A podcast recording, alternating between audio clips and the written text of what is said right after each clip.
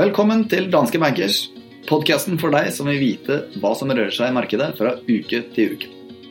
Mitt navn er Fredrik Ask Stensrud, og med meg som vanlig i studio har jeg vår sjefstrateg Christian Lie. Velkommen, Christian. Tusen takk. Det her har vært en ganske begivenhetsrik uke, må man si. Eh, og jeg skal komme dit, men før jeg kommer dit, så eh, vil jeg som vanlig ta noen fakta om et land. Og i dag så har jeg valgt eh, India. India det er verdens største eksportør av te. Bønder i India de bruker Coca-Cola og Pepsi som billig plantevernmiddel. Det er flere mennesker i India som har telefon enn toalett. Og India har over 4700 aviser på over 300 språk, så det sier litt om størrelsen på det landet der. Men hva er det som egentlig har skjedd denne uka her, Kristian? Ja, Det definitivt viktigste er jo dette store kursfallet vi har hatt eh, i de globale aksjemarkedene. Eh, vi har hatt eh, fall i oljeprisen. Og vi har også sett at Det internasjonale pengefondet, bedre kjent som IMF, har nedjustert sine forventninger til verdensøkonomien i år og neste år.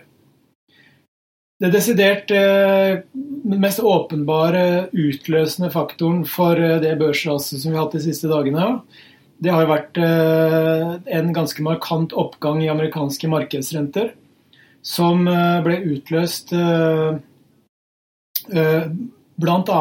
av at den amerikanske sentralbanksjefen han sier at det er et langt stykke igjen før styringsrenten begynner å stramme til økonomien. Og Det tolker markedsaktørene som at det er flere rentehevinger som Fed har i ermet, før Fed mener at dette begynner å svekke økonomien. Og der er det ikke sikkert investorene var helt enig. Men det, kom det her som en overraskelse, liksom? Nei, eh, det kom ikke som en overraskelse, men Fed har vært veldig utydelige i hvor de mener den såkalte nøytrale renten ligger. Og med nøytral rente så mener da Fed den styringsrenten som da verken er innstrammende på økonomien eller stimulerende på økonomien.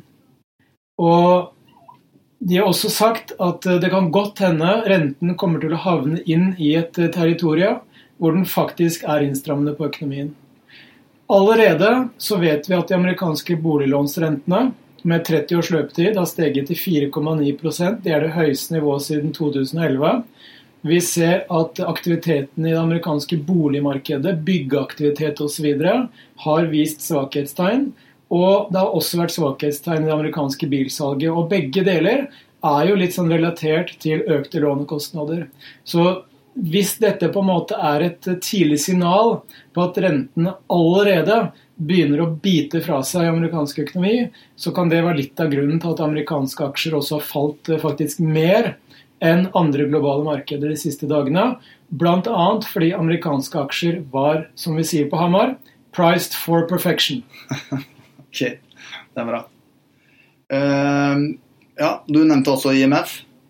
Ja, eh, IMF eh, har jo nedjustert sitt anslag for vekst i verdensøkonomien i år og neste år fra 3,9% til 3,7% Og hvis 3,9 hadde slått til, så hadde det vært det høyeste nivået siden 2011 for verdensøkonomien. Men 3,7% som de har nedjustert til, må sies fortsatt å være en robust utvikling i verdensøkonomien dersom de får rett.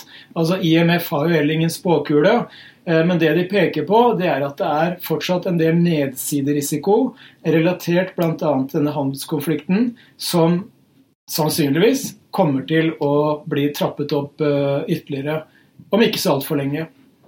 Eh, når det skal sies i forhold til den reaksjonen vi ser på børsene, så mener jo vi at de økonomiske utsiktene, selv om vi også forventer litt svakere vekst i verdensøkonomien neste år, så er de økonomiske utsiktene fortsatt for bra til at dette skal være starten på en alvorlig krise i finansmarkedene. Fordi så lenge økonomien er bra, så vil det stort sett være bra inntjening for selskapene. Og så lenge de to tingene er rimelig på stell, så skal det mye til for at vi får en, en skikkelig krasj i Mm. aksjemarkedet. Oljeprisene. Ja, oljeprisen var jo på, på 86 eh, dollar eh, fatet, og avisene refererte til flere miljøer som mente at den skulle stige til 100. Eh, Men nå har jo oljeprisen falt ned til rundt 80-81 dollar per fat. Og det er i hovedsak fordi man har begynt å, å sniffe litt på etterspørselssiden. Både fordi man eh, har uro i finansmarkedene, som gjennomgående gir lavere risikovilje også i oljemarkedet. Men også fordi uro i finansmarkedene kan gi negative konsekvenser for økonomien. Og hvis økonomien svekkes, vil også oljeetterspørselen svekkes. Legg på eh, høyere lagertall enn forventa i USA, altså oljelagrene stiger. Det er et tegn på litt sånn soft eh, etterspørsel. Og i tillegg OPEC, som har nedjustert sine anslag for etterspørselsvekst eh, i år og neste år. Det var mye svake drivere hele veien. Ja, mye moro. Hva er det som skjer neste uke? Ja, Neste uke så er det først og fremst eh, amerikanske detaljhandelstall eh, som, som kan være interessante. Først og fremst fordi at kan vi se tegn til at rentene har steget så mye at de begynner å kompensere for høyere lønnsvekst og bedring i arbeidsmarkedet. Vi tror ikke det. Vi tror at fundamentet for de amerikanske forbrukerne fortsatt er til stede. Vi har den laveste ledigheten siden 1969. Lønnsveksten er på rundt eh, 3% og inflasjonen er fortsatt lavere enn det.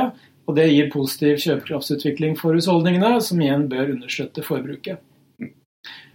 Ellers så har vi amerikansk industriproduksjon. Grunnen til at jeg trekker frem det, det er jo at disse ledende indikatorene som vi pleier å snakke litt om, disse ISM-ene og PMI-en osv. I USA så har jo ISM-en eh, vært på veldig høye nivåer ganske lenge. Og det kan være at den viser et litt feilaktig bilde. Så hvis den faktiske industriproduksjonen blir svakere enn det disse ledende indikatorene tilsier, så kan det forsterke dette bildet av at amerikansk økonomi kanskje har nådd eh, toppen. Og sist, men ikke minst, så får vi et referat fra eh, den amerikanske sentralbankens forrige rentemøte. Og der vil jo, i den situasjonen vi er nå, med renter som har steget, usikkerhet i forhold til hvorvidt Fed er eh, for sent ute i syklusen med å unngå eh, en overoppheting i amerikansk økonomi osv., så, videre, så blir det veldig spennende å få eventuelle nye signaler fra hvordan de ser på den pengepolitiske utviklingen. De har jo tidligere sagt at de navigerer etter stjernene, og det gjør jo investorene litt usikre i forhold til det kartet Fed eh, manøvrerer etter. Ja. Jeg må, jeg må bare spørre helt, eh, helt avslutningsvis. Du sa jo i, i første delen her nå at selskapsinntjeningen og de fundamentale økonomiske forholdene er såpass gode at eh, dere ser det ikke som en um, overhengende sannsynlighet på noen måte at du skal få noe knekk eller crack eh, sånn som det er nå. Men er det likevel sannsynlig å forvente at den volatiliteten, som, eller svingningene som vi har sett i markedet, eh, at det vil fortsette fremover nå en stund? Ja. Det var et veldig kjedelig svar, Kristian, men greit, du, du skal få lov å slippe med det. Ja, litt av grunnen til det er at du har såpass mange uh, usikkerhetsmomenter. Altså Du har fortsatt sterk økonomi, men som nok en gang som vi sier på Hamar, den andre deriverte, endringstakten er negativ. Det vil si at det er fortsatt fremgang, men fremgangen blir svakere. Avtagende. Avtagende. Yes. Eh, og I tillegg så har du handelskrig som kan trappes opp, du har usikkerhet rundt kinesisk økonomi, du har politisk eh, kaos i Italia som kan blåse opp igjen eh, allerede neste uke. Så du har en del risikofaktorer som helt klart vil kunne stikke kjepper i hjulene for en dans på roser i aksjemarkedet. Ja. Jeg skal ta og oppsummere de viktigste sakene for neste uke. eh, Men først skal jeg selvfølgelig ta markedsbevegelsen. Og før det igjen så må jeg selvfølgelig komme med en liten rapport på Fredrik og Christian-olympiaden 2018. Som er en liten sånn eh, bettinglek som du og jeg har her i podkasten. Forrige uke så spurte jeg deg om, du, eh, om hvilken posisjon du ville ta fra forrige uke til nå. Og da kunne du velge mellom SMP 500, eh, dagsindeksen i Tyskland eh, eller oljeprisen og Norge. Da valgte du Vixen, som selvfølgelig ikke var på min liste, så du, du får ikke viksen. Men det skal likevel nevnes da, at eh, der eh, har du en ganske fantastisk innertier du klarte å plukke ut av hatten der. Viksen hadde faktisk i den seksdagersperioden som vi så fra forrige podkast til nå, så er det historiens niende største utslag på oppsiden her. Så det er en avkastning på over 100% på den posisjonen. Men det hadde jo ødelagt hele konkurransen vår. Får jeg, får jeg premie eller noe sånt? Nei, du får ikke foreløpig i hvert fall. Men det du får, er at du fikk en short-posisjon i SMP 500. Det tenker jeg at det er en passe plaster på såret for den lange nei, long vixen som du ikke fikk. Og den gjorde du 6% på fra forrige uke til nå, så det var jo ganske bra likevel. Jeg valgte short i Dagsen og gjorde 4,5% så da legger jeg deg med 1,5% Og sånn vi gjør det her fremover, er at vi får ikke Neste posisjon skal vi selvfølgelig ta nå. Vi får ikke noe avkastning på den tidligere avkastningen din, så vi, adder, vi tar rett og slett bare å summere prosenten her. Enkel matematikk, det er best for oss, som vi sier her i Oslo. Men da lurer jeg på, hvilken posisjon skal du ta inn til neste uke?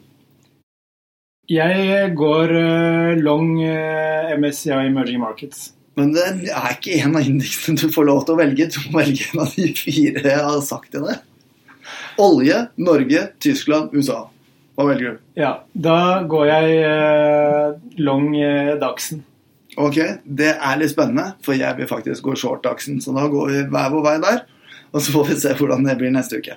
Og jeg minner om at det her selvfølgelig da bare er en lek og en konkurranse mellom meg og deg, og ikke noen faktiske posisjoner. Yes! Da skal jeg ta markedsbevegelse de siste fem dager.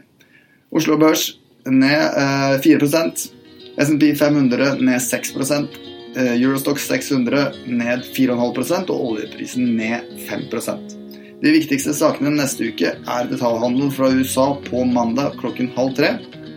Så får vi industriproduksjon fra USA på tirsdag klokken tre. Og sist, men ikke minst, så får vi jo da Fed Minutes på onsdag klokken åtte. Det var alt vi hadde i ukens Bankers. Vi høres.